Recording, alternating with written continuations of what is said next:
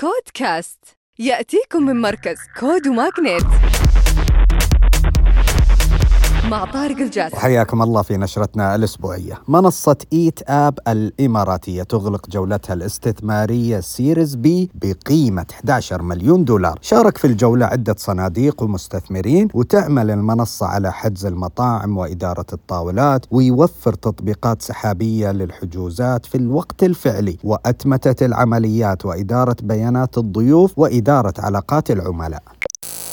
أما شركة واسابي كلاود الأمريكية للخدمات السحابية تدخل نادي ال unicorn بعد إغلاقها جولة استثمارية بقيمة 250 مليون دولار. تقدم الشركة خدمات التخزين السحابي بأسعار معقولة وتتيح للشركات وأصحاب الأعمال حول العالم مساحات تخزين لا محدودة ضمن عروض اشتراك تنافسية. واعد فينتشرز التابع لأرامكو يقود جولة استثمارية لصالح شركة ألتيا AI الفرنسية للذكاء الاصطناعي. راح يساعد الاستثمار الشركة الفرنسية في التوسع في السعودية وافتتاح فرع لها في مدينة الظهران لتقديم خدماتها للشركات في المنطقة.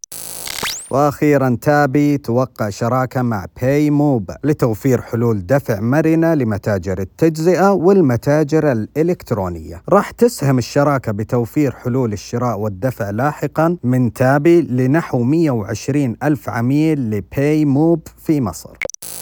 ختاما تذكروا أن الابتكار هو أصل الريادة. كودكاست